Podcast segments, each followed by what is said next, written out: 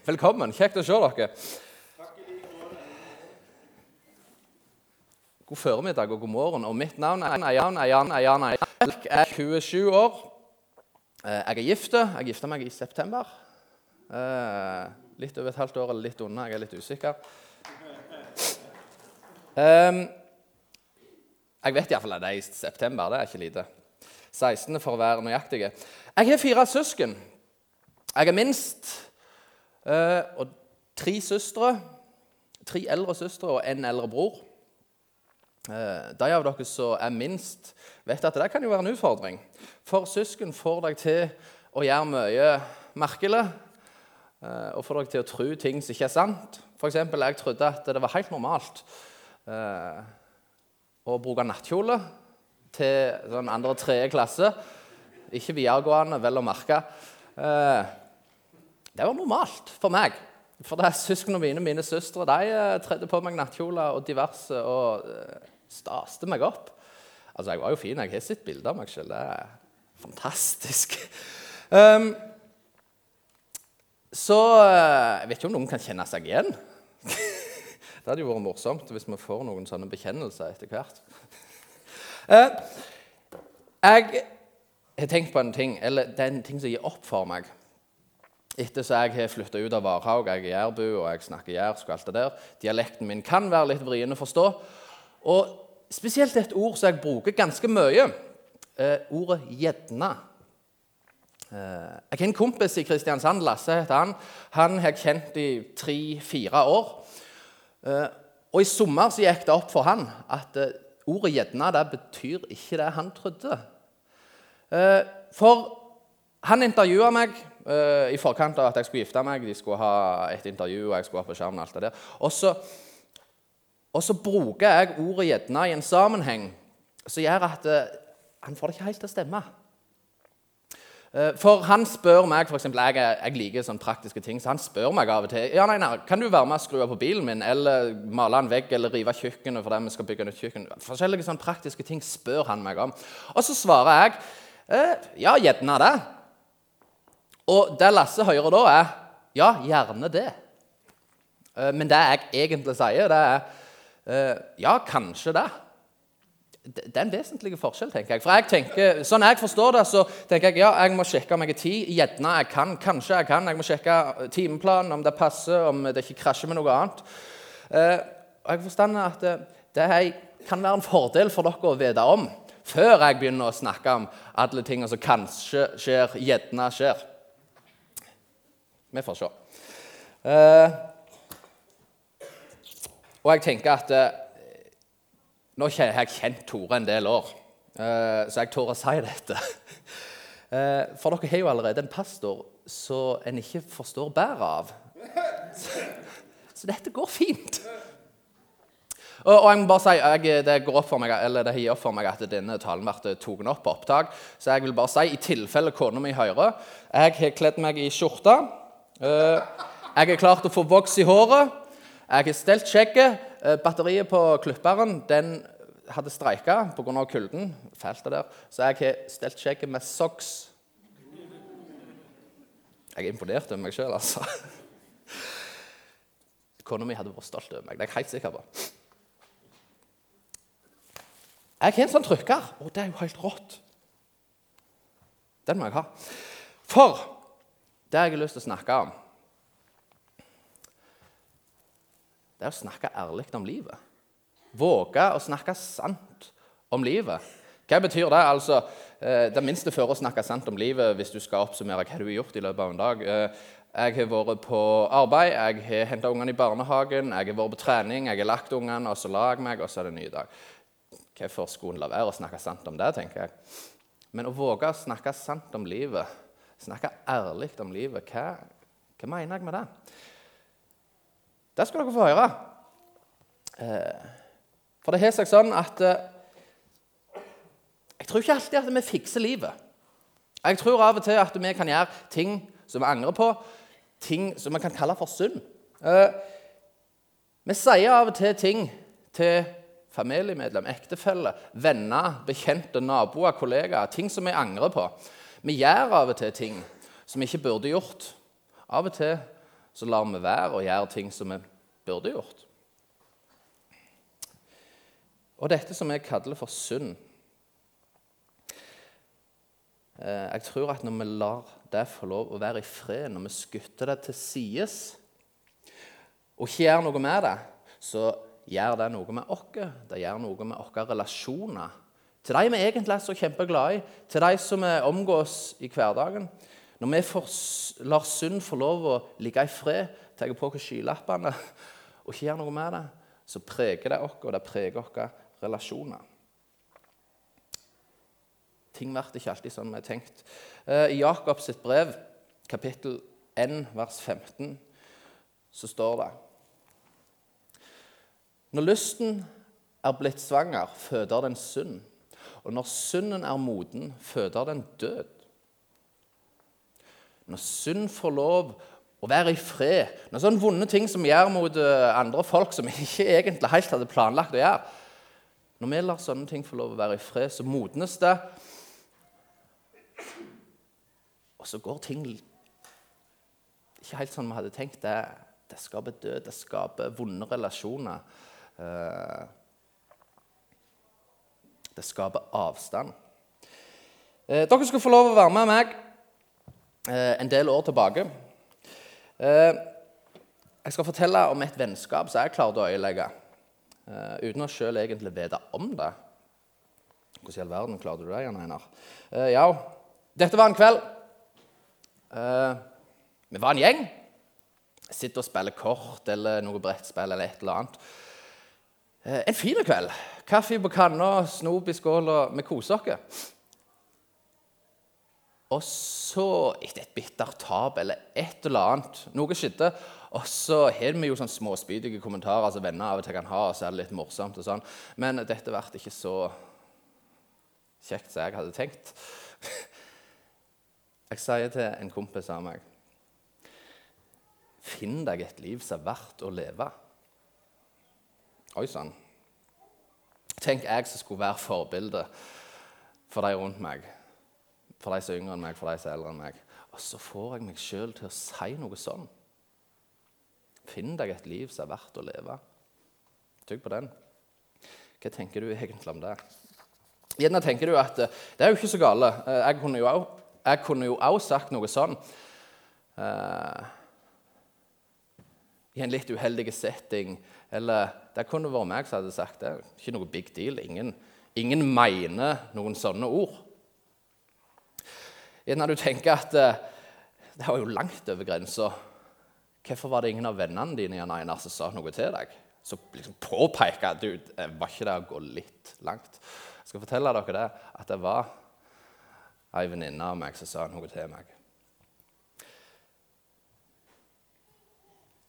Noen lurer gjerne på hvorfor i all verden vi har ansett han her som uh, ungdomsarbeider. Jeg håper at uh, vi finner ut at det var helt ok. Uh, sannheten er at uh, jeg tenkte ikke over det jeg sa. Jeg gjorde ingenting med det. Jeg lot det være. Jeg skutta det til side. Og når hun her, venninna mi, kom og sa til meg at du burde gjerne si noe, gjøre opp med for dette her, du burde gjerne gjøre noe med denne synden som får lov å være der urørte, så var jeg for stolt til å gjøre noe med det. Det kan vi mennesker av og til være. Være for stolte til å se vår egen synd, til å se våre egne feil. Og når vi ser dem, så kan det være lett å bagatellisere det. Jeg er skyldig i det. Eh, det eneste som kommer av seg sjøl, det er forfall. Og når synd får lov å være urørt, så modner det, og så skaper det død. Når jeg ser tilbake i dag så tenker jeg jo selvfølgelig Hvordan i all verden kan jeg ha gjort noe sånn? Altså Det er imponerende, skulle jeg til å si, men det er det på ingen måte. Hvordan i all verden fikk jeg meg sjøl til å si noe sånn? I første Mosebok så står det at vi er alle skapt i Guds bilde. Og Når jeg ser tilbake og tenker på at alle er skapt i Guds bilde, så tenker jeg at Guds skaperverk, det er meg. Det er han her kompisen min som jeg såra. Vi har begge den samme verdien. En uendelig verdi. Skapt i Guds bilde. Men allikevel så klarte jeg ta noe Gud har skapt, til å være likt, til å ha en uendelig stor verdi. Så tok jeg det, satte meg sjøl opp føre det, heiv det ned på bakken og trampte ganske godt på det. Det var det jeg gjorde. Heldigvis så tror jeg at vi ikke trenger la synd få lov å modne og skape død. Det trenger ikke, og, og, og, Vi trenger ikke være kristne for å forstå det. Enhver uh, har vært i en situasjon der en har sagt noe dumt, gjort noe dumt, og så har en tatt mot til seg og gjort opp, sagt 'Unnskyld, kan du tilgi meg?' Vi vet at det er sånn det funker. Vi vet at det går an. Det går an å gjenopprette ting der synd har fått taket. Men du må ta det fram i lyset, du må snakke om det. Du må erkjenne at det faktisk er noe der som gjøres opp for. Og det tar tid å bygge opp ting som er ødelagt. Noen ting så er det enkelt. Andre ting så kan det være forferdelig vanskelig. Noen ting så er det nok å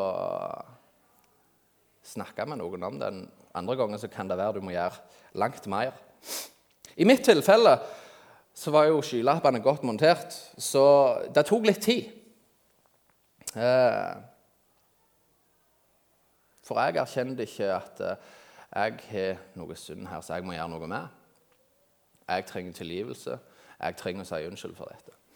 Det skulle gå to år, cirka. To år før kompisen min kommer bort til meg, tar meg til sida og sier du, jeg, har noe jeg må snakke med deg om. Eh, du vet den der kvelden når vi så det spilte. Eh, du sa noe til meg, og så Vet du hva? Det, det var ikke greit. Det gjorde noe med meg. Det var noen ord som setter seg fast i meg, sier han til meg. Jeg vet hva som kommer nå, tenkte jeg. Det torde jeg ikke si. Det var et slag i trynet. Jeg var ydmyka, for jeg visste hva som kom.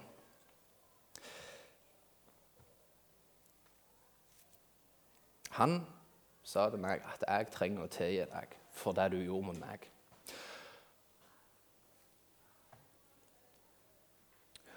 Og jeg tenker at eh, sånn som han kom til meg og sier 'jeg tilgir deg', det er akkurat sånn som Jesus kommer til hver og en av oss. Jeg ser synda di, sier Jesus, og jeg tilgir deg for det. Og jeg er valgt å ta det på meg. Spør du meg, så hadde han her kompisen min han hadde all grunn til å egentlig ikke ville ha noe med meg å gjøre. Eh, men han hadde tydeligvis forstått noe jeg ikke hadde forstått. Det er noe synd her vi må gjøre noe med. Her er det noe som ikke er greit. Takk og lov for at han forsto det. Jeg forsto det ikke. Men det ydmyka meg i det han kom til meg og sier at eh, vi har noe vi må snakke om. Jeg er nødt til å tilgi deg. For det er jeg som skulle ha kommet til han. Det var jeg som hadde gjort feil. Jeg skulle ønske det var meg. Skulle ønske det var jeg som var like tøff som han. Men når jeg eh, har fått en sånn tilgivelse Jeg vet at Gud har tilgitt meg, jeg vet at eh, han kompisen min har tilgitt meg. Eh, og jeg har fått lov å kjenne på en nåde og en tilgivelse. Så kan jeg lese noe som står i Lukas 7. 40-48 eh, med nye øyne. Settingen er at Jesus er en fariseer. Det er sikkert god stemning. Folk er det sikkert fint. skulle jeg til å si. Eh, og så kommer det ei dame. Eh, hun har levd et syndefullt liv, står det. Det er antagelig ei dame som ikke så mange syns er så kule. Det er egentlig hun med tenker at uh, Har du noe med Jesus å gjøre? Hva skal du med han? Jeg vet ikke hvem det er i dag. Det kan jo være meg. Og det kan gjerne være deg. Det står fra vers 40. Da tok Jesus til orde. 'Simon', sa han til fariseeren, 'jeg har noe å si deg.' 'Si det, mester', svarte han. Og Jesus sa, 'To menn hadde gjeld hos en pengeutlåner.' Den ene skyldte 500 denarer, den andre 50. Men da de ikke hadde noe å betale med, etterga ham dem begge gjelden. Hvem av dem vil da holde mest av ham? Simon svarte, den han etterga mest, tenker jeg. Du har rett, sa Jesus. Så vendte han seg mot kvinnen og sa til Simon, Ser du denne kvinnen? Jeg kom inn i ditt hus.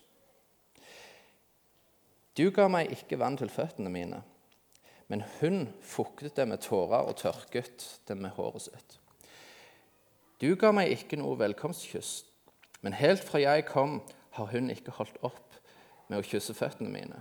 Du salvet ikke hodet mitt med olje, men hun smurte føttene mine med den fineste salve.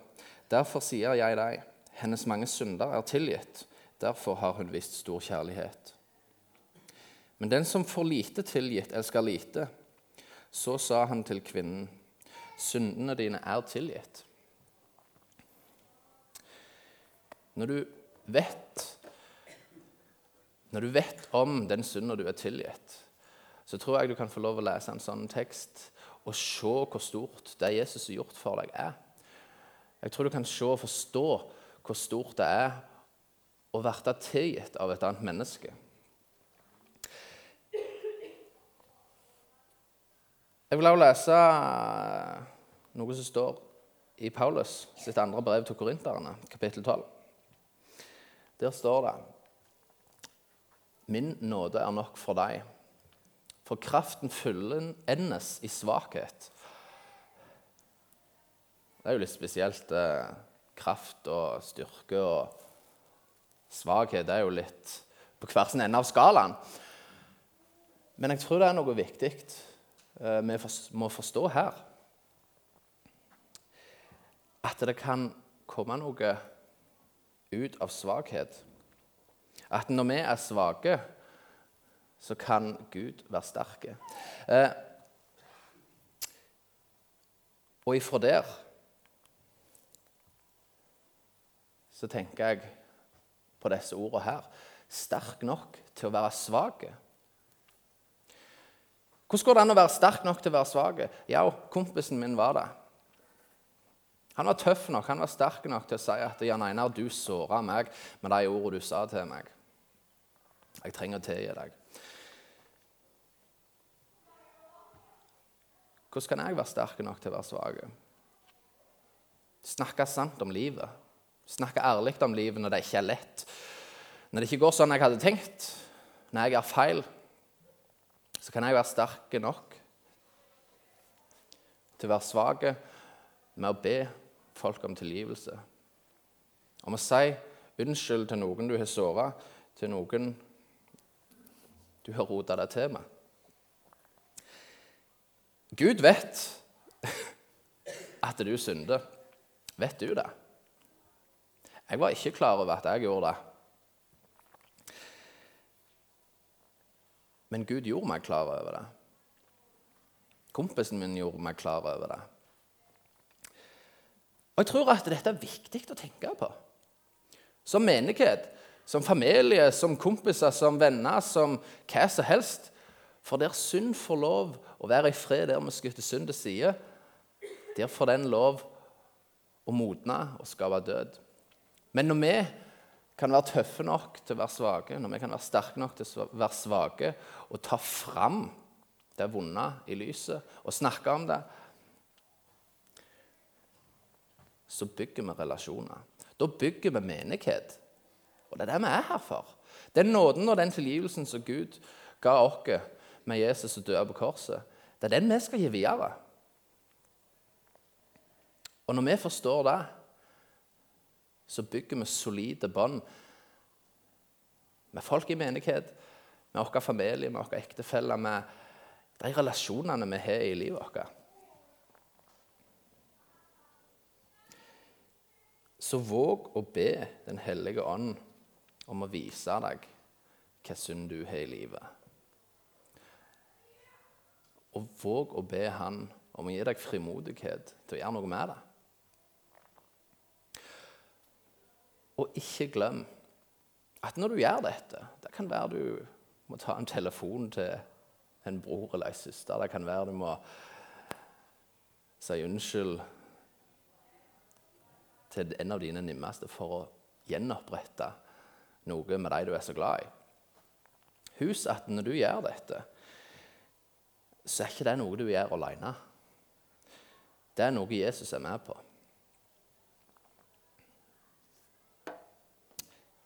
Jeg vil be.